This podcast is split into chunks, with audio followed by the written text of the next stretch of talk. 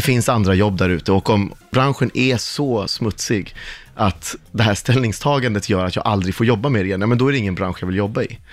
Sen samtidigt så fick det ju omedelbara konsekvenser i det att dagen efter så, så tackade jag nej till ett jobb Ja, det var baserat så. på det här. Ja. Ja.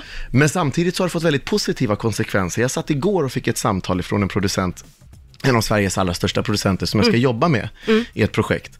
Där han sa, men nu har den, den här personen har vi anlitat också till det här projektet och jag vill bara att du ska veta att vi har, jag har ringt runt eh, fyra olika produktioner som hen har varit med i tidigare.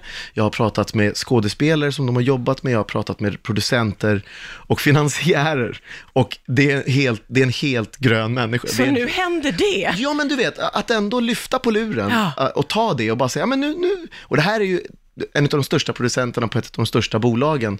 Och att se att, ja men nu jäklar, så är det, bara det samtalet. Alltså jag får rysningar när du säger det.